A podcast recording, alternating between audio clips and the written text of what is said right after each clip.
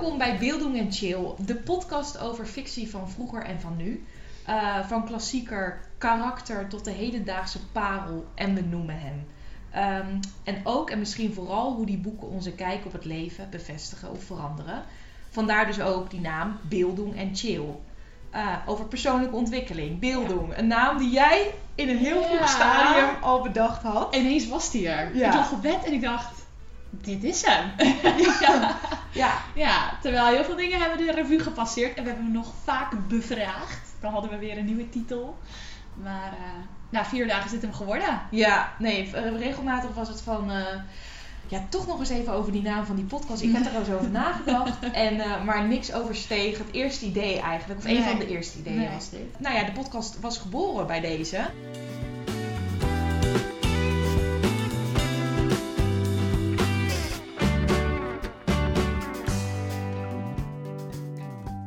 Wij zijn Alinde en Lisa.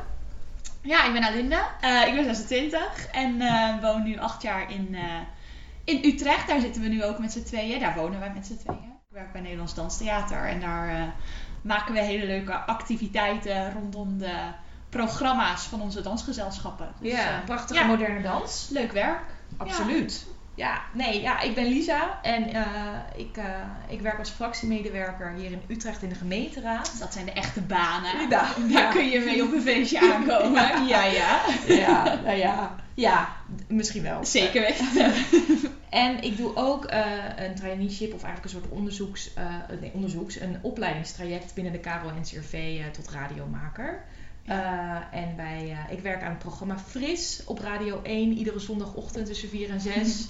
Uh, je zou je wekker er maar voor moeten zetten. We hebben elkaar leren kennen bij de studie Nederlandse taal en cultuur, acht jaar geleden in Utrecht. Ja. En nou, we, we, waren dus studiegenoten. Vanuit daar zijn we vriendinnen geworden. Ja. En sinds het begin van 2020 ook huisgenoten. Wij wonen samen. Nou, kan toch wel zeggen, een heel leuk appartementje. Ja, een beetje, beetje fris zo nu en dan. Maar we hebben een probleem met de ketel. Het is heel koud hier. ja, we zitten hier ook echt tegenover elkaar met uh, ijskoude vingers, uh, koude, neus. koude neus en een dikke trui aan. Ja. Uh, maar als het goed is, komt vanavond iemand langs om ja daar een einde aan te maken. Om te verlos uit te zijn. Ja, maar verder is het topappartement. Ja, over het algemeen een huisje met uh, de kleur early, early Dew op de, op de muur. Ja, zoek hem op. Een goede kleur. Goede kleur. En uh, een mooi schilderij van uh, Frida Kahlo kijkt ons, nou ze kijkt al een beetje streng. Ja, maar dat is goed. Dat houdt ons scherp. dat is zeker scherp, ja.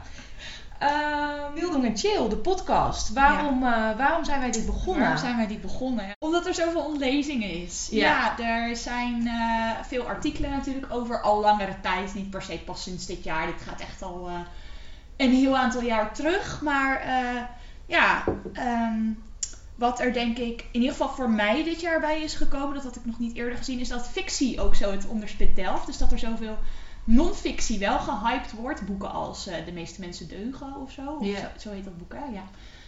Um, maar van fictie wordt dan gezegd, ja, dat lees ik niet, want wat heb ik daar nou aan? Of... Uh, wij delen de mening dat. Uh, fictie leert je ook zeker heel veel. Fictie leert je heel veel. Zij het over jezelf en over de andere persoon. Meer op persoonlijk niveau, denk ik. Dus beeld doen, ja, ja persoonlijke vorming. Nou ja, en onderzoeken tonen ook gewoon aan, zorgwekkend. Uh, 20% van de 15-jarigen heeft een taalachterstand in Nederland. Ja, is veel man. Ja, en onderzoeken tonen ook aan dat uh, mensen die veel lezen empathischer zijn. Omdat je je kunt verplaatsen in iemand anders. Ja, in deze sterk gepolariseerde tijd is dat wat we nodig hebben natuurlijk. Nou, dat uh, vind ik van wel. Ja, ja, nee, we vinden dit wel belangrijk. En we vinden het vooral ook leuk. Vandaar het chill gedeelte. Dit is voor ons echt een feestje om te doen. En we hopen dat het voor iedereen natuurlijk en ook een feestje is om te luisteren. Maar dat gaan we meemaken. Ja, nou de lat ligt hoog. De lat ligt heel hoog. Dus... Maar ik ben echt een beetje zenuwachtig of zo. Terwijl wij zitten altijd aan deze tafel te praten. Maar nu vind ik het spannend. Ja, nee. Ja. We zijn hier vorige week live gegaan met onze Instagram. Ja. En uh, de reacties waren overweldigend. Ja. Uh, enorm veel support. Ja. ja. En uh, we worden dus nu ook gevolgd door mensen sinds, sinds twee dagen, drie dagen die we niet kennen. Nou, ja, dat is echt nou, dit is next step natuurlijk. Want eerst zijn naar de familie, uh, de familie en de vrienden ja. en, de, en, de, collega's die natuurlijk het heel leuk vinden en het aanmoedigen. Maar we moeten natuurlijk wel een achterban opbouwen, ook voor mensen die we niet kennen. Dus eh, eh, dit is een goede eerste stap. Ja, We gaan beginnen. We hebben er zin in. Ja, we gaan beginnen. Ja. Eh, en deze allereerste keer gaan we het hebben over het boek Niemand in de Stad. Eh, nou ja, waarom dit boek, Aline? Ja, eh, het is heel leuk, want dit boek is denk ik... Ik kende het niet. Eh, dit is dit jaar pas op mijn radar gekomen door jou. Ja. Eh, jij noemde dit. Ja, ik heb dus altijd al de eerste film gezien en dat haat ik. Want ik wil altijd eerst de boeken lezen en daarna de film. Omdat ik geloof dat films een aanvulling kunnen zijn op wat je gelezen hebt. En ik wil het origineel, zeg maar het originele verhaal, wil ik altijd eerst tot me nemen. Eh, maar goed, ik kan niet anders zeggen, de film is super goed. Ja. En, eh, dus daarna ben ik het boek pas gaan lezen. Ja, ja, voor mij dus andersom, want je had de film gezien en je vertelde daarover naar aanleiding van een aflevering van Dream School, waar eh, Philip Huff in zit. Ja. Waar wij ook smakelijk om hebben gelachen. Gewoon om wie hij is en hoe dat ging met die klasse en wat Ja. de dingen die gezegd werden. In ieder geval, toen kwam dit boek ter sprake, toen ben ik het gaan lezen. en daarna wij samen de film. Nog een keer gezien. Jij nog een keer en ik Ja. voor het eerst eh, gezien. Ja, dus, eh, en het gaat natuurlijk over het studentenleven. En wij kennen elkaar van het studentenleven. En wij hebben dat allebei heel verschillend beleefd, denk ik ook. Ja, absoluut. Dus uh, nou, leek ons op alle mogelijke manieren een leuk eerste boek. Precies, een Ja. eh, gemeenschappelijke deler. Zeker. Ja. Nou, eh, Philip Huff, zijn naam viel even mij is dus de schrijver van dit boek. En Niemand in de Stad is zijn tweede roman. Eh, zijn allereerste roman kwam uit in 2009 en heet Dagen van Gras. En Boek van de Doden uit 2014 is zijn meest re- recente roman. Eh, nou, verder zou je hem dus ook kunnen kennen, omdat het een leuk publiek figuur is die vaak in de media verschijnt. Eh, Jij vindt hem vooral een heel leuk ik vind hem publiek heel leuk. Ja, nee, super eh, intelligent, welbespraakt. Ik kan daar echt eh, positief jaloers op zijn als ik daar naar luister. Ja. Eh, hij schuift regelmatig aan bij Buitenhof. eh, om onder andere babyboomers een beetje te bashen. Is het terugkijken waard. Heel goed. Vertel ik uit eigen ervaring. Eh, maar hij schreef dit jaar ook in de NRC eh, het, het opiniestuk Geef alle 25-jarigen een ton startkapitaal. Nou, het is een, eh, een linkse gast. Dat blijkt uit alles. Maar daarom des te leuker dat hij ook bij het koor gezeten heeft. Ja, heeft hij daar echt bij Ja, gezeten? ja, hij- Ah, ja, nee, oké. dit- ja. Nou ja, ik zie dit wel echt als fictie. Ik lees Ja, nee, fictie, nee. maar Hij heeft er wel eh, geschreven oké. vanuit eh, zijn eigen tijd bij, eh, bij, bij het Amsterdamse koor. Nou ja, tot, tot zover mijn onderzoek. Ik heb alleen het boek gelezen. Nee, nee, nee. Maar dat is goed. Je moet ook, boeken moeten ook, wat, hoe heet dat nou? Dood van de auteur. Ja. Op het moment dat een, een, een schrijver zijn boek geschreven heeft, dan, eh, dan bestaat de schrijver niet meer. Dan lees je het boek en Precies. lees Ja. je zoals het Daar er laat ik het vaak op. Ja, dus kijk, Ja. dat ik natuurlijk die schrijver er weer bij betrek, dat mag ik eigenlijk Die schrijver. officieel vanuit daar onze opleiding dan ook mag dat ook helemaal niet. Nee, dus jij bent veel beter bezig dan ik. Ehm, ja, en ook nog leuk om te noemen, deze, dit jaar eh, in 2020 verscheen Huffs eerste korte film als regisseur. Eh, en die film heet Bosrandgeluk. En eh, nou, eh, die deed mee, eh, mee voor de prijs op het, op het filmfestival. Dan even over, kort over Niemand in de Stad. Daarin volgen we Philip Hofman. Lijkt op Philip Huff. Dus vandaar ook die... eh, heb je hem door? ik heb hem hoor. Ja, er gaan nu wat belletjes rinkelen. nou ja, het verhaal begint eh, eigenlijk in zijn eerste studiejaar. Dan eh, gaat hij in het weeshuis wonen. En dat is dus echt, nou, grachtenpand. Ja, een echt studentenhuis. ja, studenten, waar dus ook alleen maar jongens van het koor, Amsterdamse koor ook wonen. Nou ja, en het boek eindigt dus ook met zijn verhuizing uit dat huis. En dat het burgerlijk leven gaat beginnen waar hij al die jaren tegenop heeft gezien, mee geworsteld heeft, bang voor is geweest. Ja. Ehm, maar ja, het boek gaat dus over die tussenliggende jaren. Ja. Ehm, nou, wij gaan dit boek bespreken aan de hand van een aantal stellingen. Die heb ik deze week voorbereid, of deze keer. Ja. De volgende keer doe jij dat. Eh, wij moeten van tevoren, laten we dat gewoon even één keer heel duidelijk maken aan het begin van onze serie. Disclaimer, disclaimer, Ja. disclaimer. We kunnen het niet over boeken hebben zonder hier en daar ook wel wat eh, Ja, te spoilen. te spoilen. Ja. ehm, We gaan het toch over het verhaal hebben. over het verhaal, over de personages, Ja. plot. Kijk, we gaan de fabel en sujet, jongens. Ik weet niet eens meer wat het is. Symboliek. Nee, maar ook wat je Laat even los. op de middelbare school in die, in die Ja. dat je wat je weg moest schrijven. Joh. Dus we gaan het niet eh, op een heel technische manier ontleden. Het is gewoon de bedoeling, hey, we hebben een leuk boek gelezen, of misschien niet. Geen leuk boek, dat zal ook voorkomen. Ja. Maar eh, aan de hand van stellingen gaan we natuurlijk ook hier en daar wat prijsgeven. Maar goed, dat hoort Ja. erbij. En dat hebben we nu bij van tevoren iedereen gewaarschuwd. Ja, dus dus, dus als je liever eerst het boek wil lezen, zet ons nu op stil. Echt, Dit is je moment. dit, het kan nog. Het kan nog, nu. Maar ook, dus het heeft geen zin om eh, negatief in onze DM te gaan sliden, want we hebben daar echt geen zin in. bij deze.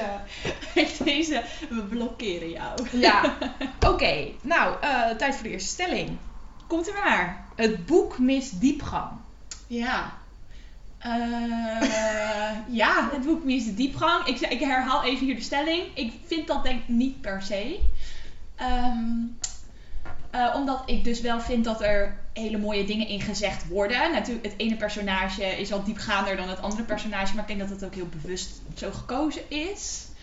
Ehm, en eh, ja, ik vind het dus gewoon überhaupt moeilijk om te zeggen wanneer een boek... Ik vind een boek mooi of... eh, eh, gewoon simpel, zeg maar. En ik vond dit niet per se alleen maar simpel. Nee. Nee. Maar het taalgebruik is eenvoudig. Het taalgebruik is zeker eenvoudig. Het is niet, Ja, het is niet moeilijk lezen. Nee, en ook niet ehm, de meest lange, prachtige, beschrijvende zinnen. Nee. Wat je wel echt soms in literatuur tegenkomt. Zeker, het is niet poëtisch taalgebruik of Nee. zo. Nee, nee, nee, vind ik, vind ik ook niet. Maar eh neemt niet weg dat hij wel, Philip Huff, heel mooie woorden weet te geven aan bepaalde situaties of eh eh, gedachten of concepten. Eh, en dat vind ik wel. Kijk, het is dan misschien niet poëtisch geformuleerd, maar er wordt wel op een goede manier ergens woorden aangegeven. En Ja. dat vind ik al best wel tof, zeg Nou ja, maar. en ik ben het ben het met je eens dat ik wel vind dat die eh, met dat eenvoudige taalgebruik je wel echt die studentenwereld in Want dat is het ook. Ja, je, je wordt dat wel... is van de buitenkant Je hebt het gevoel alsof je onderdeel bent van die vriendengroep. Ik heb een voorbeeldje waaruit blijkt van hé, hey, eh, op deze manier eh, heb je het idee alsof Ja. je ook aan het borrelen bent op de soos op donderdagavond. Ehm, ik loop door de lange gang van de sociëteit. De lichten zijn fel. Ik leun op de ombouw tegen de muur en breng mijn hand naar mijn hoofd. Ik sluit mijn ogen. Ik voel even niets anders dan pijn. Ik open mijn ogen en loop naar de jongenswc. Als ik er bijna ben, gaat de deur van de wc van de meisjes open. Rosanne, de abactis van Bart's commissie, komt naar buiten. Achter haar loopt een vriendinnetje met bruin haar en frambozenrode lippen. Rosanne kijkt op. Ze lacht. Ik lach voorzichtig terug. Shit, Filip, zegt ze dan. Je bloedt. Ja, nou, dit is een, dit is een, een hele normale borrel. Nee, de normale dinsdagavond. Ja. Nee, hoezo?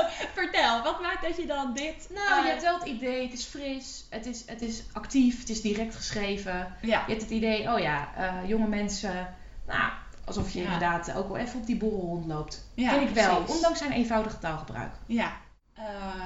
Maar ja. goed, zeker, je gaf net aan van, eh, Philip geeft, eh, weet, weet mooi woorden te geven aan personages, aan, ehm, eh, aan, aan, aan, aan situaties. Heb je, heb je een voorbeeld? Je komt binnen als, als groen persoon, als 18-jarige. Zo herinner ik het mezelf ook van mezelf, maar ook van de jaardagen die onder mij. Want ik heb zelf ook bij een vereniging gezeten. Ja. Ehm, ja, Hier in Utrecht? Hier in Utrecht. Ehm, en naarmate je zelf ouderejaars wordt, komen er mensen onder jou binnen. Dus je ziet het steeds opnieuw hoe je als 18-jarige groen binnenkomt. Maar ook echt denkt dat je het wel op de een of andere manier eh, wel weet hoe het leven werkt of zo. Maar eigenlijk is je idee van het leven nog best wel beperkt. Je komt bij je ouders vandaan, van je middelbare school. eh, eh, heel vaak, in mijn geval in ieder geval, een dorp. Je bent toch een beetje wat kleiner. Eh, Ja, je wereldbeeld is nog niet zo groot. Ja, zeker, dat bedoel ik. Ja. Ja. Nou, en dan op een gegeven moment, eh, die, die Philip heeft dat ook in dit boek. Vind, eh, die komt ook een beetje zo groen binnenlopen met een beperkt wereldbeeld. En die Jacob zit er al wat langer. Jacob is een ander personage, want ook in het weeshuis. die neemt Philip een beetje onder zijn hoede. Hoede. En die is al ietsjes ouder. En op een gegeven moment zegt... doet Philip dus alsof hij heel goed weet hoe het werkt of wie die is. En dan zegt Jacob tegen hem: Wat voor visser jij bent, dat weet jij helemaal niet. Zegt Jacob: Je, hebt immers nog nooit, je bent immers nog nooit op de grote open zee geweest. Eh, je bent een binnenschipper. Je vaart over de binnenvaart van Amsterdam naar IJmuiden. Maar straks, als het zoete water zout is geworden, dan weten we wat jij bent: een visser, een kapitein of een janmaat die meegaat, maar nooit iets doet. Op het open water krijgen we de ware bikkel pas te zien. Al is het maar om er vervolgens weer te keren. Ja, Ja. prachtige, En ik denk ook dat Ja, dat zo is. Eh, je bent nog helemaal niet op open zee geweest. Dus hoezo denk jij dat jij zo goed weet wie je bent? En de vraag is natuurlijk hier die dan reist. Wanneer ben je wel op open zee? Wanneer ga je die grens over? Maar in ieder geval geeft het weer...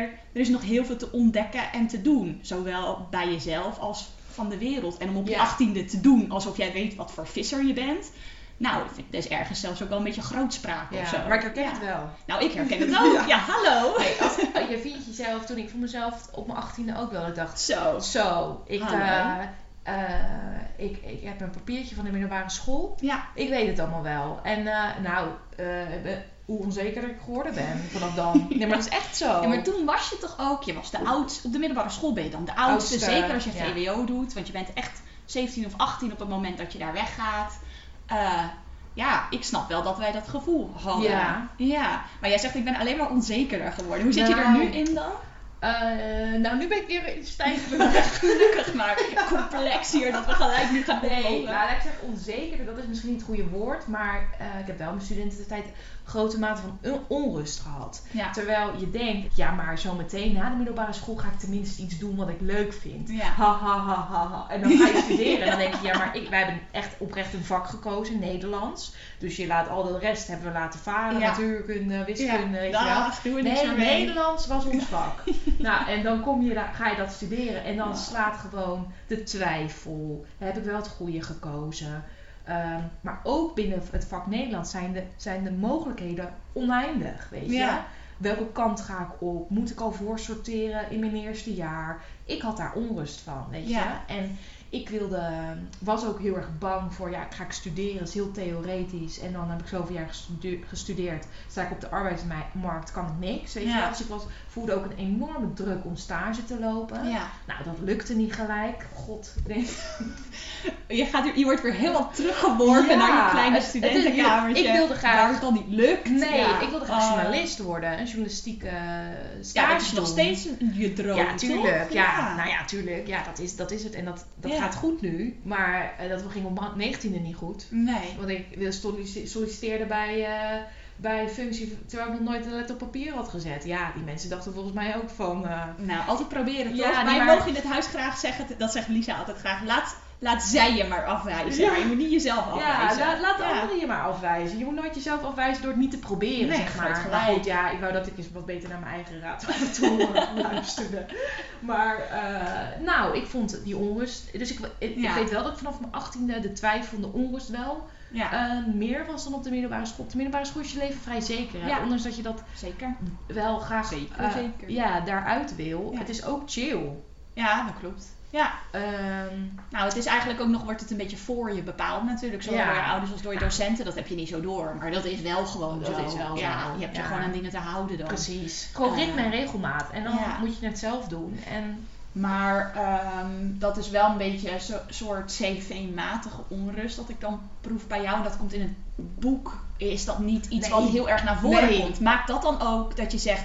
Het is geen diepgaand boek of zo. Het is oppervlakkig, want het gaat alleen maar over zuipen en neuken en... eh, eh, Nou, ehm, kijk, het thema vriendschap speelt, is, is het thema van het boek. Vriendschap is gewoon onwijs belangrijk. En ik vind ook dat vriendschap, ehm, nou dat er vers- verschillende gezichten van vriendschap getoond wordt, ja. worden. Ehm, dus, eh, joh, van ruzie maken tot het weer goed maken. Tussen ehm, verraad en onbaatzuchtigheid. Weet je wel, het, het, alles komt aan bod eigenlijk. En dat vind ik in dat opzicht het boek rijk maken. En dus ook wel diepgaand. Alleen, ehm, nou ja, je hebt drie personages waar het echt om gaat. En ja, even kijken, Philip is natuurlijk echt het hoofd, eh, de hoofdpersoon. Maar Jacob, waar we het onder andere net over hadden, die wat zwaarmoediger is. Ja. En ook die mooie woorden. Eigenlijk, de, Eigenlijk bijna alle mooie woorden uit ja, die komen eh, bij Jacob uit- vandaan. komen van, eh, Ja. hebben met Jacob te Zwaar, maken. maar wel mooi. Ja, en je hebt Matt. Nou, dat is echt een soort ziek feestbeest van Philip. En eh, Ja, dat is echt die Eh, gekke persoon uit je vriendengroep waarvan Ja. je denkt, kunnen we hem nog lozen? Ja, nee. ja, nee, maar die het leven ook wel heel vaak heel leuk maakt. Maar eh, ook wel gewoon af en toe heel irritant is. Ja. Ehm, maar zij, in het begin heb je al best wel snel door, hé, hey, met alle drie is er wat aan de hand. Dat is, ik zeg eerlijk, dat triggert. Ja. En het triggertje om door te lezen, heel leuk. Eh, alleen vind ik wel dat hun verhaallijnen, alle drie, eh, worden wel aan het eind, weet je, eh, van de hoed en de rand. Ja. Het wordt allemaal uit, weet je wel, uitgelegd, beschreven. Je hebt geen vraagtekens meer. Nee, en er blijft weinig over voor de verbeelding. Ja. En ik hou er altijd wel van als er iets mysterieus is of een los eindje. Of je kijk, dat is ook, is ook ehm, niet, zo, niet altijd zo bevredigend, maar het maakt een boek ook goed of zo. Ja. En ik vind wel dat het, nou ja, we weten van Matt, die heeft problemen met zijn vader, maar dat wordt weer goed, eh, wordt rechtgezet. ja, in een vrij korte tijd. Ja, en ook best wel makkelijk, hè? Zo van, Ja. oh ja, ik heb jaren geen contact gehad met mijn vader. Hij nodigt me nu uit in Spanje omdat hij ziek is. We gaan langs en het is weer goed. En dan denk ik, ja, volgens mij werkt het zo niet helemaal. Nee. Maar Nee. In het echte leven waarschijnlijk. nee. Ehm, Ja. Maar wat ik wel weer dan heel goed vind, is dat het om die mannelijke hoofdpersonages gaat. Eh, en dat de vrouwen, eh, je noemde het net ook al, gewoon sommige personages hebben niet zo'n belangrijke rol. Nee. En vrouwen worden, Nou, vrouwen hebben geen rol. Ja, de rol van eh, sekspartner. ja, Mooi zijn. Mooi Eh, zijn. en dat is prima, Ja. maar het is in die zin geen feministisch boek. Het is Nee. heel erg een mannenboek. Wel. maar daardoor wel functio- functioneel, Ja. vind ik. Want het gaat echt over de Eh, jongens. het gaat, en daardoor komt er ook weer nog meer vergrootglas op die vriendschap tussen die mannen onderling Ja, te liggen. Ja. Ehm, en daardoor, doordat die vrouwen zo inderdaad best wel ja, geobjectiveerd worden eigenlijk. ja. Je komt ook verder niet zoveel over ze te weten. Weet Daar je? gaat het niet echt over. Nee, het is oprecht alleen om mee vreemd te gaan. Om een, weet je wel, dat het Ja. een vriendin is. eh, om seks mee te hebben, om mooi te zijn. En, Ja. eh, dus in dat opzicht vind ik, dat vind ik wel weer interessant. Maar ik vind het gewoon jammer dat je aan het eind gewoon alles weet. Ja. En dat het ook Helder. wel, Ja. eh, ja, het, wordt, het, wordt vrij, wordt erg ingekleurd. Ja. En Dat Ja. is het. Ja, het is dat heel... vind, eh, ik ook, wel- vind ik jammer. Ja, het is allemaal wel rond aan het eind. Ja, precies. Oké. Oké, nou dan gaan we door naar de, naar de tweede stelling. En dat is de vriendschap tussen Matt en Philip. En Philip en Jacob, anderzijds dus. Is ongelijkwaardig. Mhm. Ja. Eh, ze wonen wel allemaal met elkaar in een huis. Maar je hebt toch wel goed door dat, dat Jacob en Philip zeg maar goed bevriend zijn. Ja. En Philip en Matt zijn beste vrienden. Ja, het Matt en Philip zijn allebei op, een, op tegelijk dat huis ingekomen, dat Ja. weeshuis in. Die zijn allebei eerstejaars. Mhm. Ehm, Jacob zit daar al. Maar die wordt ook, dat wordt ook een soort vriendschap met Philip. Maar Met niet per se met Matt. Nee, nou ja, Nee. dat- ik- je krijgt daar als lezer niet echt een beeld van nee. nee. Het is nooit dat eh Matt en, eh, en Jacob lekker zitten te chillen met z'n tweeën. Lekker een biertje open trekken. Nee, althans, Gebeurt niet. Daar ben je als Tenminste- lezer kom je daar niet achter, Nee. laat ik het zo zeggen. Oké, dat is ongelijkwaardig. Ehm, Dus eigenlijk dat... eh, ja, ik snap wat je bedoelt. Eigenlijk bedoel ik te zeggen dat Philip in zijn beide vriendschappen met die jongens eh, het onderspit. Hij is de betere vriend. De betere Voor vriend. allebei. Ja. Ik denk eh, dat ik daar niet per se zo naar kijk. Dat, zij, eh, dat die vriendschappen ongelijkwaardig zijn. Ehm, bij Matt en Philip gaat het er denk ik om. Het zijn gewoon twee totaal verschillende personen. Die denk ik het concept vriendschap gewoon anders invulling geven. Maar ik heb wel het idee dat Matt Philip net zo belangrijk vindt als Philip Matt of zo. Alleen dat wordt op een andere manier geuit. Mhm. Dus waar Philip een bepaalde loyaliteit laat zien, eh, kijkt Matt heel vaak achterom. Want Philip blijft wel een beetje hangen achter. Zodat het zo een beetje, is toch ook een beetje de brave uit het Ja, boek, zeg ja, ergens. Ja. Ehm, dus in die zin vind ik dat niet per se gelijkwaardig. Maar ik snap wel waarom je dat zegt. En bij eh, eh, Philip en Jacob denk ik juist dat het wel ongelijkwaardig is. Maar niet dat Philip dan de betere vriend is. Ehm, of Jacob dan de betere vriend is, vind ik ook moeilijk om te zeggen. Maar ik vind Philip niet zo'n goede vriend ten opzichte Voor van Jacob. Jacob. Ja. Eh, Jacob komt best wel geregeld zijn kamer binnen in dat huis. Eh, of neemt hem mee op pad naar een café. Of ze gaan buiten wat lezen. Dat doen ze ook wel eens. Ehm, en Jacob brengt best wel serieuze onderwerpen ter sprake. Wat we zeiden, is een beetje een zwaarmoedig personage. Hij komt wel echt met de, de, de existentiële onderwerpen op de proppen, zeg maar. ja. Ehm, en, eh, maar hij laat ook wel merken dat er, eh, dat er iets speelt of zo. Hij is, enerzijds houdt hij, er speelt wat bij Jacob, dat is zo. En enerzijds, zegt Maar hij- even in, in de zwaartehoek, hè? Dus richting depressiviteit. Ja. eh, nou ja. En eigenlijk zo erg dat hij dus ook aan het eind van het boek maakt hij een einde aan zijn leven. Ja, ja. En, maar dat, dat proef je. Het is niet dat hij dat expliciet zegt ergens, maar je proeft wel op bepaalde momenten dat hij probeert iets te vertellen of iets te zeggen. Hij, het is op een onbeholpen manier, maar hij probeert uh, contact te zoeken met Philip op dat niveau. Van er is wat, tenminste dat gevoel krijg ik sterk als ik het lees. En ik krijg ook het gevoel als ik het lees dat Philip dat wel senst, dus soort aanvoelt. Hij begrijpt dat ze een zware kant op gaan, ook al weet hij niet welke kant. Maar hij gaat er niet op door. Hij pakt het niet aan, hij brengt het niet ter sprake. Nee. Uh, sterker nog, hij verandert van onderwerp of brengt zijn eigen ding uh, op tafel, waar hij namelijk in eerste instantie voor naar Jacob kwam, bij wijze van. Dus ik vind hem eigenlijk een slechte vriend ten opzichte van Jacob. Uh, dat hij hem een beetje ja. laat zwemmen ergens, van maar, mijn gevoel. Uh, ik, ik herken duizend procent wat je zegt. Maar uh, ik las het zelf heel erg als echt uh, gewoon onbeholpen. Ja. Hij weet, hij inderdaad, hij heeft ook wel door dat hij hier en daar... dat, dat, dat er iets aan de hand is inderdaad. Ja. Maar hij weet gewoon niet hoe hij ermee om moet gaan. Nee. En daardoor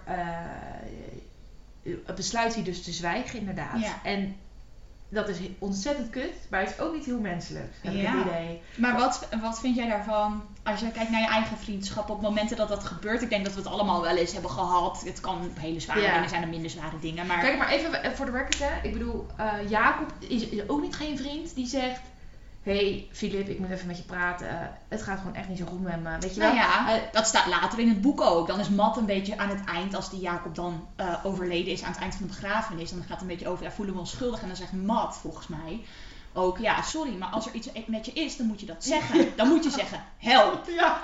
ja.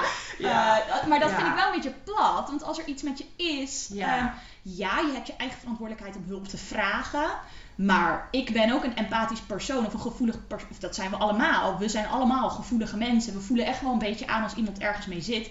Ik vind ook als diegene in jouw directe kring zit, dat jij verantwoordelijkheid hebt om daarnaar te vragen. Of in ieder geval open te breken van. Ik weet niet wat er is. Maar ik voel hier iets en weet dat je het me kan vertellen of zo. Ik vind ja. dat wel belangrijk in een vriendschap. Nee, dat ben ik met je eens. En uh, ja, ik, als ik Jacob zou zijn, zou ik dat ook wel vervelend vinden. Ja? Kijk, Jacob is wel op een hele filosofische manier praten, hè?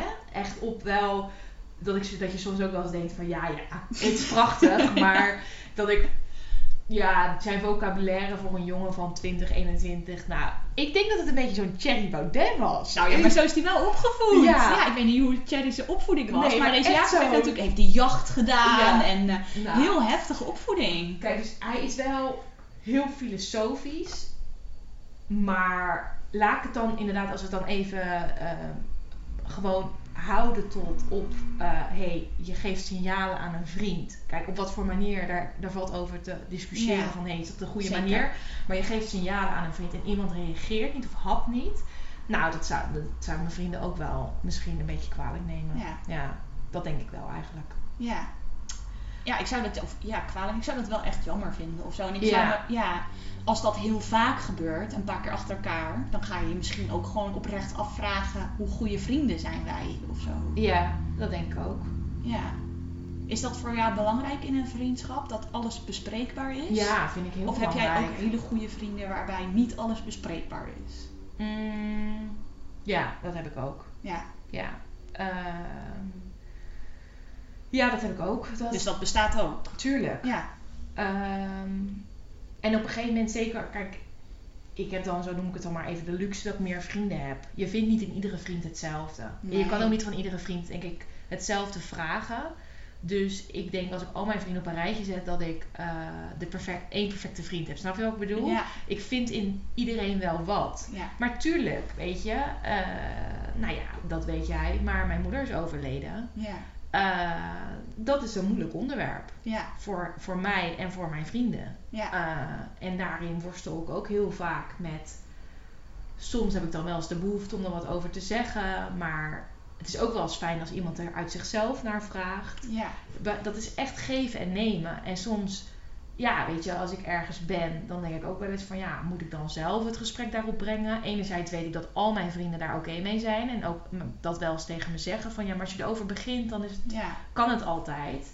Maar ja, als, als mensen weten van je situatie, heb ik ook wel eens dat ik denk ja, anderen mogen daar tegen mij ook altijd over beginnen. Ja. En dat is echt wel, dat is wel lastig. Verkeer, ja. maar. Ja. maar ik heb niet, zodra ik bij al mijn vrienden aangeef het gaat niet goed of ehm, ik zit niet goed in mijn vel of eh, eh, nou, ik ben heel verdrietig, dan laat, laten al mijn vrienden hun, Ja. hun, ha- alles uit hun handen vallen om daar naar te luisteren of mij te helpen, bij te staan. Ja. Weet je, dus dat, is, dat, dat zit 100% goed. Ja. Wat Jacob meemaakt in het boek herken ik niet. Nee. Alleen, ja, heb je natuurlijk ook wel eens op het moment eh, dat mensen dan van je situatie weten. Kijk, bij Jacob, niemand wist wat er aan de hand was eigenlijk. Nee. Niemand vermoedde dit. Nee.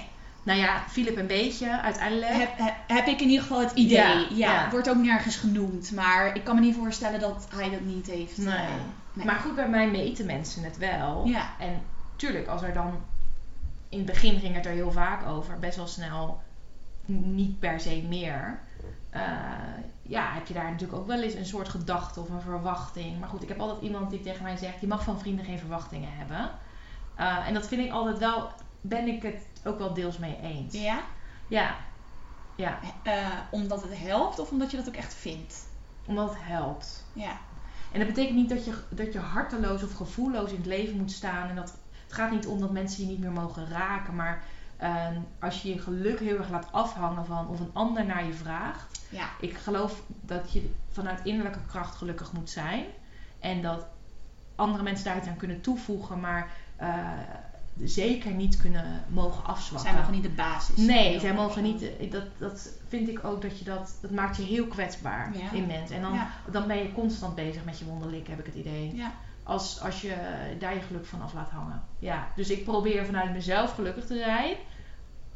En iedereen die daar aan bijdraagt, Geweldig. geweldig. Maar Geweldig. ja, het is. eh, en dat zei ik er net dus al van. Ik, mensen vinden, het, vinden zware onderwerpen moeilijk. Ja. En ik denk dat heel veel mensen ook wel eens een beetje worstelen met, ja, wat moet ik dan maar, wat moet ik dan zeggen? ja. En dan besluiten niks. niks te zeggen. Ja. En dat is dus wat Philip ook doet. Ja. En daarom heb ik dus echt wel best wel veel eh, sympathie voor, voor deze gast. Omdat ik, hij belichaamt wel echt ongemak. Eh, hij weet het gewoon niet. Ja, daar En- heb je gelijk. Gewoon het hele menselijke deel van als er moeilijke Ja. emoties aan te pas en, komen. en, en ja. niet eh, dat hij niet eh, welwillend is. Want ik denk dat hij het eigenlijk wel wil, maar hij heeft de woorden er niet voor. Hij gaat op een gegeven moment dan vreemd met Karen. En dan heeft hij, heeft hij, is hij er net achter gekomen dat Jacob niet meer studeert. Terwijl Jacob zegt dat hij wel studeert. Ja. Eh, maar Jacob hij is daar in de bibliotheek achtergekomen met een pasje. Dat Jacob eigenlijk al twee of drie jaar niet meer ingeschreven staat. Ja. Nou ja, Terwijl hij wel doet alsof dat zo is. Hij heeft, eh, hij heeft cijferlijsten en eh, het is best wel verontrustend hoe goed hij dat, verbergt. goed hij de schijn Ja, ophoudt. maar dan, dan, hij begint er tegen Karen over een beetje zo van, ja, wat nou als je iets zou weten van een vriend van je, maar diegene weet het niet dat jij het weet. Wat moet je daar dan mee? Nou ja, Karen zegt dan het ligt een beetje aan wie je vriend is en ook wat de bron is Ja. waar je dat van hebt. Maar eh, op een gegeven moment zegt ze dan, mensen hebben recht op hun vermoeden, maar ook op hun privacy. Nou, en dan, Philip vind ik dan ook wel, die is dan ook wel heel makkelijk van, oh ja, dat is ook zo, Karen bevestigt dat. Weet je, Ja. ik hoef er niks meer mee. Ja, dat is wel heel makkelijk. Ja, maar snap je, hij het laat zien dat hij ermee zit. Hij weet het ergens ook wel. Weet eigenlijk niet zo goed wat hij ermee moet. Het laat heel erg onvermogen zien. Ja, nee, mooi. Wat, wat we allemaal hebben. Dat is niet Zeker. eh, alleen Philip. Ik vind het eigenlijk heel mooi dat je eh, het zo vertelt. Want dit is exact Ja. inderdaad wat het is. En ik, kan, ik, ik keek wel een beetje minder naar Philip. eh, totdat jij nu dit zo vertelt. Ja, oprecht. Ik denk nu Oh. wel, je hebt daar wel gelijk in. En het is ook heel toevallig dat het hier nu over gaat. Want ik heb er ook net weer, ik heb er net een artikel over gelezen. Ook over hoe moeilijk wij het vinden überhaupt om emoties te verwoorden. Ehm, en zeker als het dan om moeilijke emoties gaat of moeilijke dingen, dat we daar ontzettend onbeholpen in zijn. Eigenlijk allemaal. En daar Ja. moeten we in leren. In. Je moet echt leren hoe je met iemand praat die door iets zwaars in zijn leven gaat. Want dat is gewoon moeilijk. Ja. Ehm, eh, ja, en dat is dus heel normaal, heel menselijk. En daar loopt Philip nu tegenaan. En ik vind niet dat hij het heel gelukkig allemaal oplost door het alleen maar te negeren. Maar ja, dat het dus iets heel menselijks is. Zo Ja. had ik er niet naar gekeken. Oh, Dus ik wat vind dat goed. wel Ja, eh, en ik wil er trouwens ook bij zeggen dat eh, ik hier dus ook mee worstel in het leven. Ondanks Ja. dat ik mijn moeder ben verloren. En dus weet hoe zwaar dit, het leven kan zijn. Ja. En waar je doorheen gaat. Maar ik was laatst ook nog in een situatie waarvan ik wist dat iemand ehm, jarig was. Maar ook op die dag eh, een van zijn ouders is verloren. Ja, nou ja, diegene heeft mij dat verteld. Dus ik vond het een soort van verantwoordelijkheid voelde ik dus ook om daar iets dus wel over te zeggen. En niet alleen maar te appen, hey gefeliciteerd. Ja. Maar ik heb een half uur over dat berichtje gedaan. Ja, toch dan waarin wel. ik eh, zowel gefeliciteerd als hey, dit moet ook een Ja. kutdag voor je zijn. Combineerde. Hoe geef je daar woorden aan? Ik heb hier een half uur over nagedacht. Bizar, hè? Ja, en dan eh, heb ik nog meegemaakt en dan weet ik nog dat ik Maar schrik je daar dan van of zo? ja, dat nou ja, best wel. Nou, ja, daar schrik ik wel van. Dat dat echt zo moeilijk is. Ja, en dit is niet de eerste keer. Ik heb al wel eens vaker eh, in de afgelopen drie jaar gehad dat ik Ja. ergens woorden aan moest Maar nu geven. kun je wel mooi echt de link leggen natuurlijk. ja, Ja. en het geeft gewoon aan van... Het is heel makkelijk om te appen, hey, gefeliciteerd. Ja, klaar. Ja, Tuurlijk. dat is echt het allermakkelijkste, hè? Ja. Maar ik voelde zo'n verantwoordelijkheid om in, die- in één berichtje een koppeling te maken tussen, tussen die twee dingen. En dat vond ik zo moeilijk. Ik denk dat ik wel, nou, ik denk dat ik wel tien opzetjes weer gewist heb. En weer, eh, Ja. dat is kut. Ja. Dan ben je oprecht een beetje sprakeloos. Ja. Of alles wat je zegt schiet tekort, klinkt dom. eh, of overbodig, of misschien zelfs een beetje horkerig. Ja. Terwijl inderdaad het alternatief van niks zeggen, Ja. dat is misschien wel het meest pijnlijke. Wees dan, dan maar beter een berichtje wat misschien horkerig is bewijzen van. Nou, of een beetje onbeholpen, maar, Ja. maar, maar het laat wel, en dat vind ik dus wel in dit boek ook erg.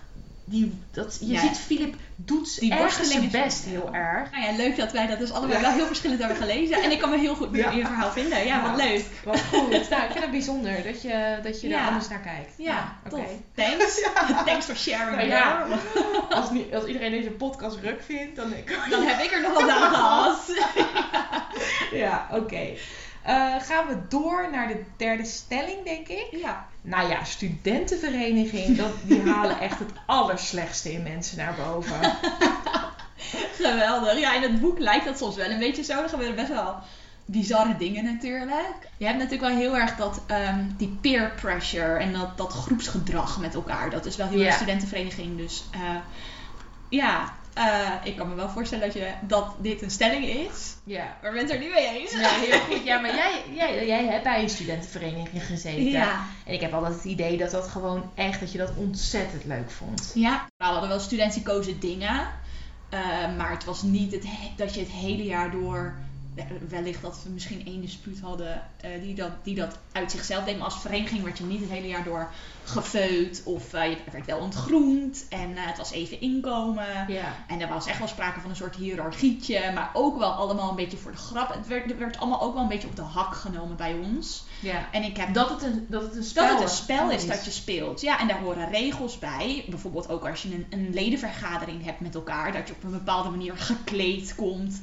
En op een bepaalde manier je gedraagt en een vraag stelt. Dat zijn gewoon spelregels. Ja, en ik weet bijvoorbeeld van jou, eh, heel goed, de regel, eentje daarvan bij jullie was eh, nooit met je rug naar de bar staan. Niet met je rug naar de bar staan. Ja, dan krijg je water in je nek. Ja. Ja. Of een biertje misschien als je pech had. Maar ja. Dat soort, en dat zijn dus regels. Ja, en, het zijn, en dit is dan toevallig een hele leuke regel, omdat die denk ik in, je, in de rest van je leven, overal waar ik nu een kroeg of een bar binnenloop en iets zou bestellen, ik ga niet zo snel met mijn rug tegen de bar staan, omdat je ook heel erg bewust van bent hoe kut dat is voor de, de barman en de barvrouw die daar de hele avond staan te tappen en dan tegen je rug staan aan te kijken. Hallo. Ja, want jij hebt zelf heel veel gebard ook, Ik hè? heb ook wel gebard, ja, heel veel. Ik vond mijn eerste jaar. Eerste jaar, ja, maar die, die ja. diensten waren niet normaal, hè? Dat je wel leuk. tussen de twee en- zes en dan gewoon om negen uur weer in college. Om negen uur weer in college. Ja, Ja. toen kon dat nog. Dat zou nu niet meer kunnen. Ja, nee, ik heb het gewoon heel leuk gehad. En ik denk dus echt dat je heel veel leert. Zowel van de spelregels. Ja. eh, als van de gesprekken die je met elkaar voert. Want je moet het ook een beetje met elkaar rooien. Want je komt gewoon in een dispuut terecht. Ehm,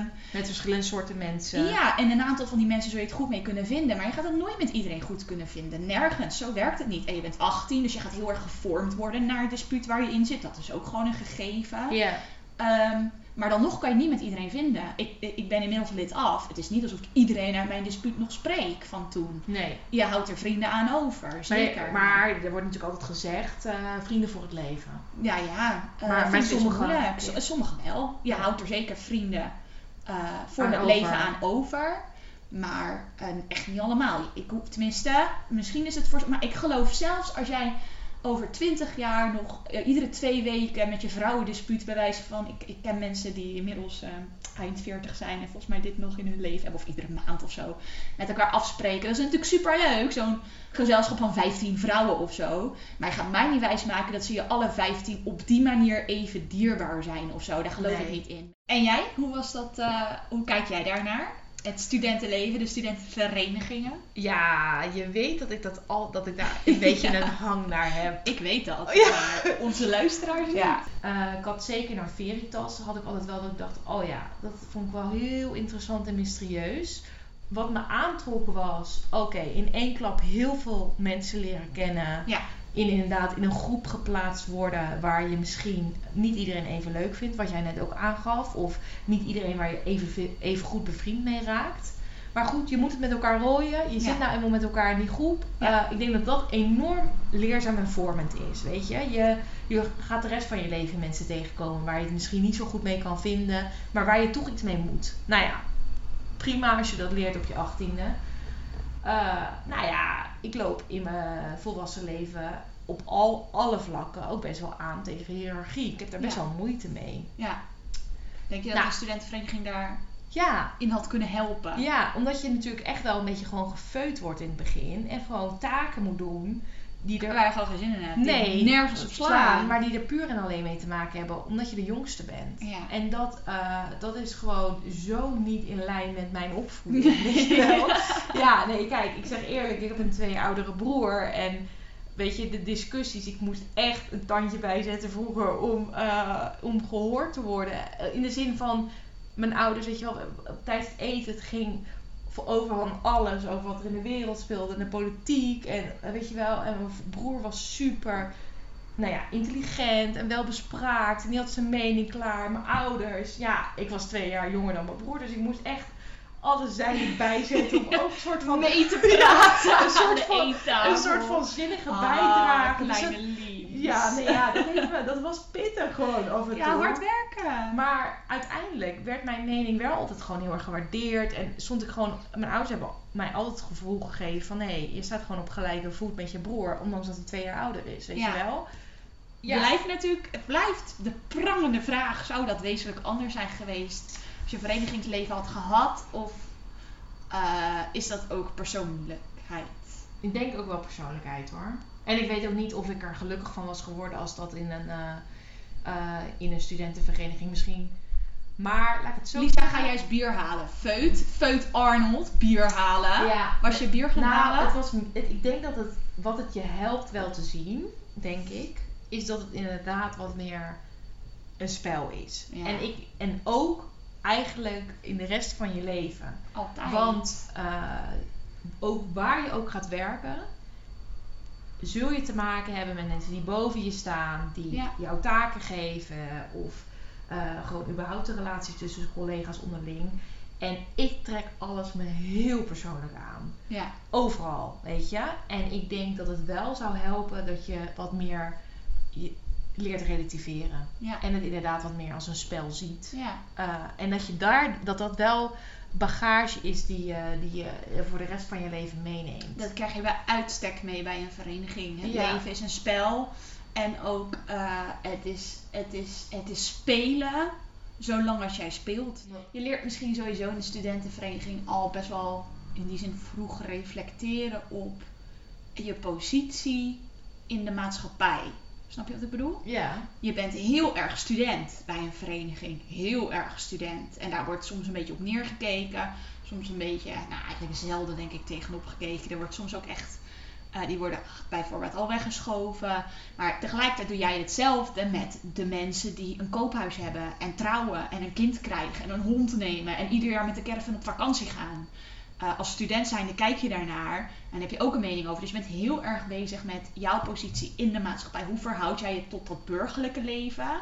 Wat eraan zit te komen, dat weten we allemaal. Maar waar je helemaal nog Ja. geen zin in hebt. ja. En dat daar je vandaan komt, dat je achter je hebt gelaten toen je nog jong en groen was. Want je voelt je wel van alles als je student bent, ook al ben je dat niet. En die reflectie op wie ben ik in de maatschappij is denk ik ook gewoon heel waardevol. ja. Dat, dat je daar op die manier zo mee. Ik vind daarom Jacob ook zo'n mooi personage in dit boek. Uh, omdat hij daar zo op die manier ook echt mee bezig is. Wie ben ik dan nu ten opzichte van mijn vader? Ten opzichte van wat ik deed toen ik bij mijn ouders woonde? Ten opzichte van waar de maatschappij mij nu naartoe leidt via mijn studie. Is dat wat ik wil? Zit ik daar op te wachten, dat koophuis en dat gezinnetje? Jacob blijkt homo te zijn. Dat is natuurlijk ook nog weer een ingewikkelde situatie. Eh, als je kijkt naar het gezinnetje. Maar goed, uh, ja, en ik kan me daar wel in vinden. Ik vind dat wel. Uh, uh, ik vind daarom zijn personage denk ik ook zo mooi. Omdat het wel heel mooi beschrijft waar je als student mee bezig bent. En ik denk dat dat wel ook een waardevolle reis is. Naast kennis vergaren en cv-matig bezig zijn. Is het ook nou, opnieuw een soort persoonsvorming. Van wie ben ik dan nu? Ja, en hoe verhoud ik mij? En dat doe je ook als je niet bij een vereniging zit. Maar ik denk wel dat het daar nog extra wordt aangestipt doordat je bij een vereniging zit of zo, snap je? Ja, nou ja, en zeker in dit boek wordt, wordt uh, uh, maken ze elkaar ook heel de tijd gewoon best wel bang voor, voor dat leven daarna. Dat is echt wel een ding. Uh, ik heb een mooi coachje. Willen we die horen? Ja, ik wel. dat zegt Jacob. Daarom zijn er ook geen ramen op de sociëteit Bikku. Want dat vroeg hij. Waarom zijn er geen ramen op de sociëteit? Nou, daarom zijn ze er niet. De sociëteit heeft geen ramen, zodat wij niet naar buiten hoeven kijken. Hier verschansen wij ons voor de wereld, voor onze vaders en hun verwachtingen en onze moeders en hun vangnet. Hier mijden wij het dal der plichten. Tot we schoppend en schreeuwend in het pak worden genaaid, is dit ons lied. Ja. Ja, ik vind dat gewoon. Je bent zo bewust bezig met waar kom ik vandaan? Waar ga ik naartoe? Het pak, mijn burgerlijke baan. En uh, ik ben nu aan het spelen, laat me spelen. Daarom heeft de sociëteit geen ramen, weet je. Ja. Ik vind dat mooi. Want wat je eigenlijk ook doet, en enerzijds neem ik dat dus Filip kwalijk, dat hij bijvoorbeeld in die vriendschap tegenover Jacob zijn verantwoordelijkheden niet neemt. Anderzijds is het studentenleven bij uitstek ook het moment om die verantwoordelijkheden gewoon niet te nemen, maar wel weten dat je ze hebt. Uh, en daar ook gewoon van te genieten. Dat je het gewoon genegeerd, negeert of zo. Snap je wat ik bedoel? Ja, nee, zeker. Uh, en er staat in het boek dan uh, van, van ehm, uh, van uh, Philip staat er dan.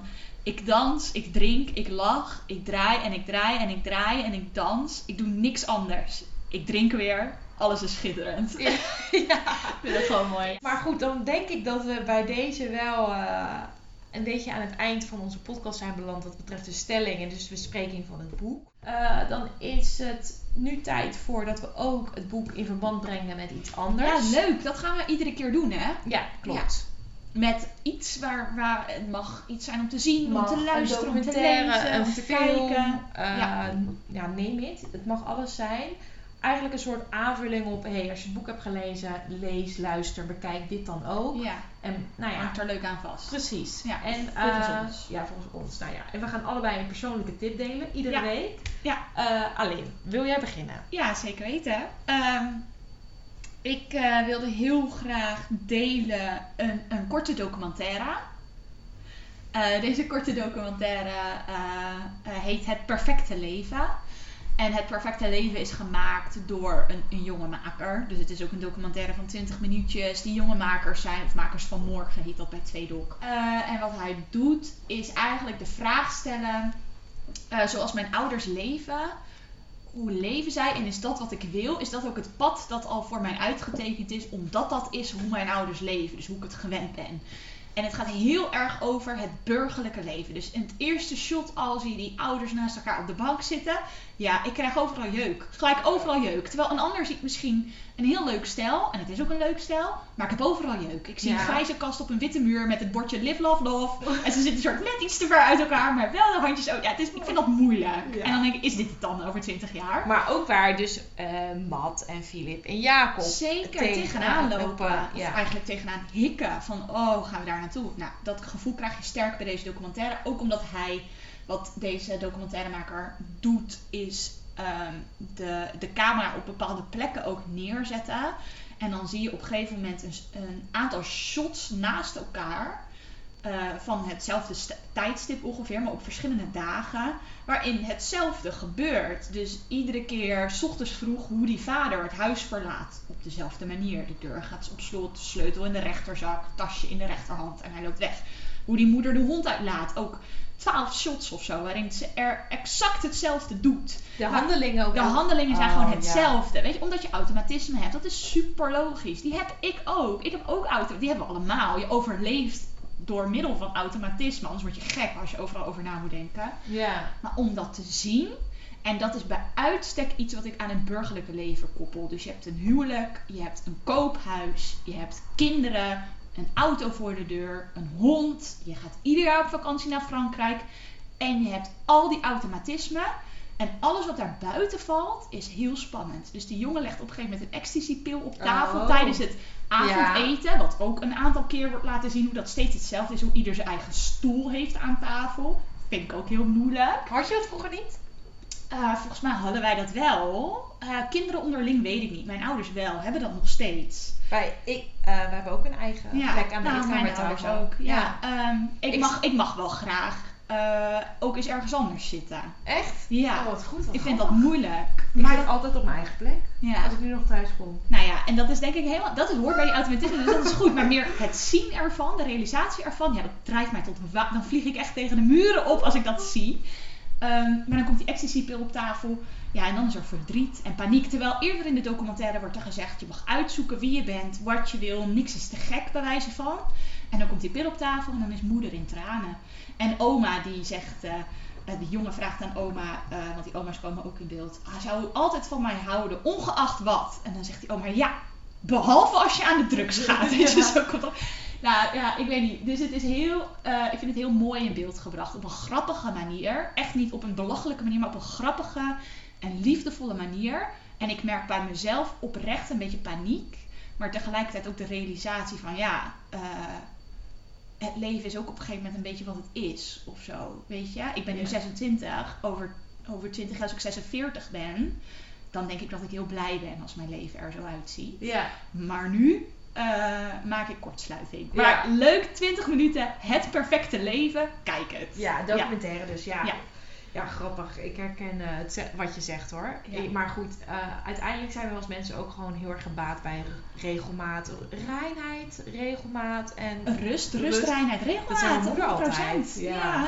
Eh, Nee. En dat geloof ik ook. En Alleen, ik weet het maar ook. hiervoor mogen we ook jong zijn, toch? Zeker, Om hier ja. heel erg tegenaan te schoppen. Absoluut. Om, weer Om dit echt nog niet te willen. Ja, nee. Ja. En dan vervolgens eh, die sleutel ook over 20 jaar in diezelfde zak te stoppen. Maar het doet nu al van je koophuis. ja. Ik weet geen koophuis. Nee, dat is waar. Het betaalt veel te veel voor een huurhuis. huis waar het heel koud is. Ik zeg het nog maar een keertje. Maar eh, oké, nou thanks. Ik heb hem niet gezien. Ik ga hem zeker kijken. Leuk. Maar wat heb jij? Dat is de grote vraag. Ja, ik heb een, ik heb een interview eh, uit 2018. Het stond in, in, eh, in de krant Trouw. En Ja. een interview met schrijfster Yvonne Kuls. Nou, dat is een schrijfster die ik zelf niet kende. Ik ken haar ook niet. Nee, en, eh, maar zij was dus beste vriendinnen met Hella Haase. En die schrijfster is wel Die kennen we Ja, wel. die is Dat zegt wel. veel bekender, onder andere van het boek Oeroeg. Ja.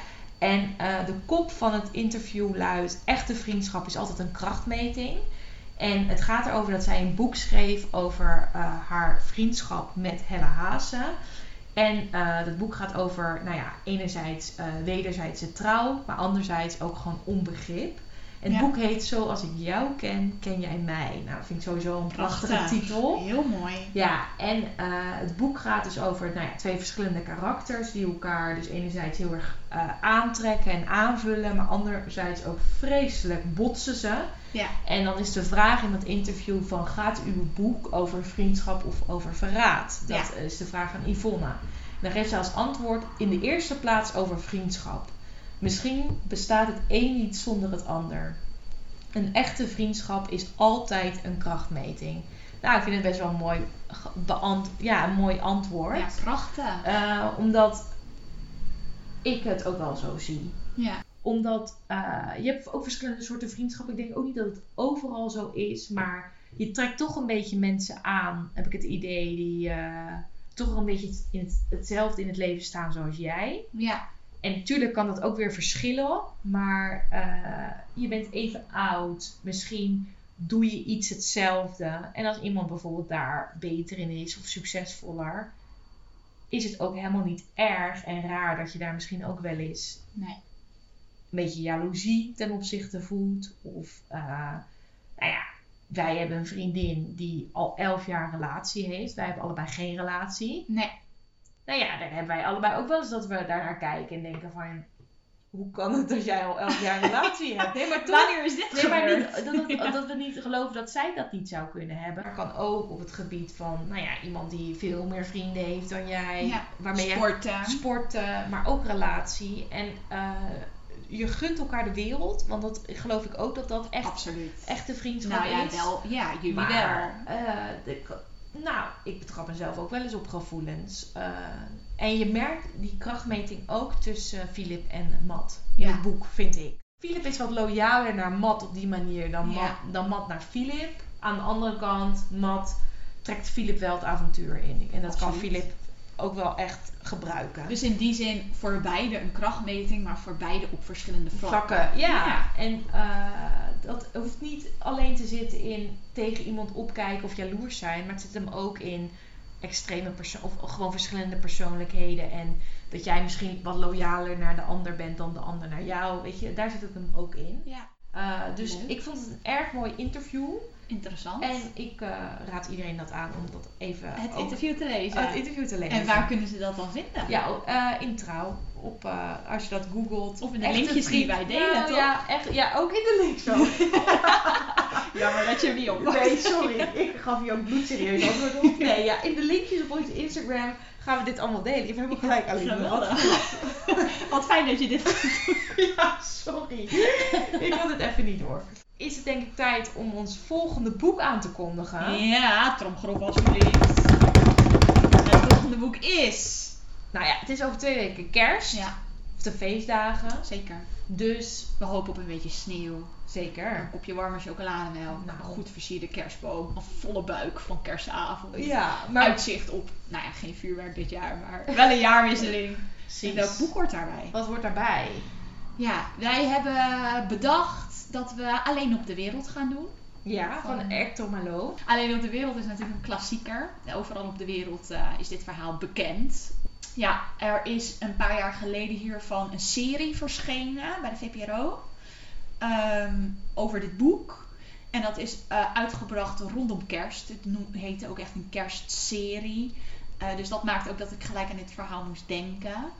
Eh, of wij eigenlijk. Wij allebei dachten, nou, dit is leuk om te doen. Eh, alleen omdat het zo'n bijzonder, of bijzonder verhaal is. Ja, het is een beetje een verdrietig verhaal ook. Maar ook gewoon een klassieker die je ooit een keer gelezen moet hebben. Hij is voor kinderen en volwassenen. Ehm, eh, past goed bij de feestdagen. En is gewoon makkelijk te lezen. Want ja, het zijn gewoon de feestdagen. Dus we gaan jullie geen ontdekking van de hemel opleggen. Die komt nog. Nee, die komt nog wel. Wacht maar.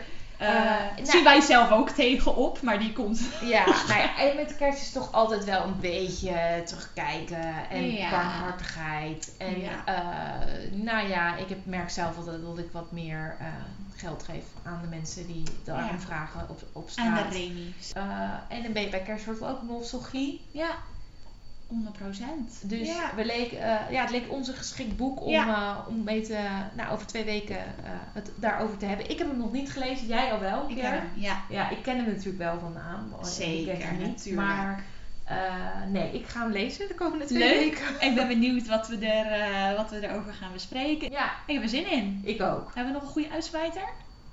Ja, lezen. Lezen. Lezen. Ja. En heb het goed met elkaar. Met ja. kerst. ja. Dat is denk ik eh, het Deze belangrijkste voor nu. maand sowieso. Het is een moeilijke maand. Laten we daar nog een biertje op over Precies. Ja. Nou jongens, heb het goed. En eh, ja, we zijn, te, we zijn te beluisteren over twee weken. Ja. Zien jullie dan? Horen jullie dan? Ja, heel Doei. veel leesplezier. Oké, hoi.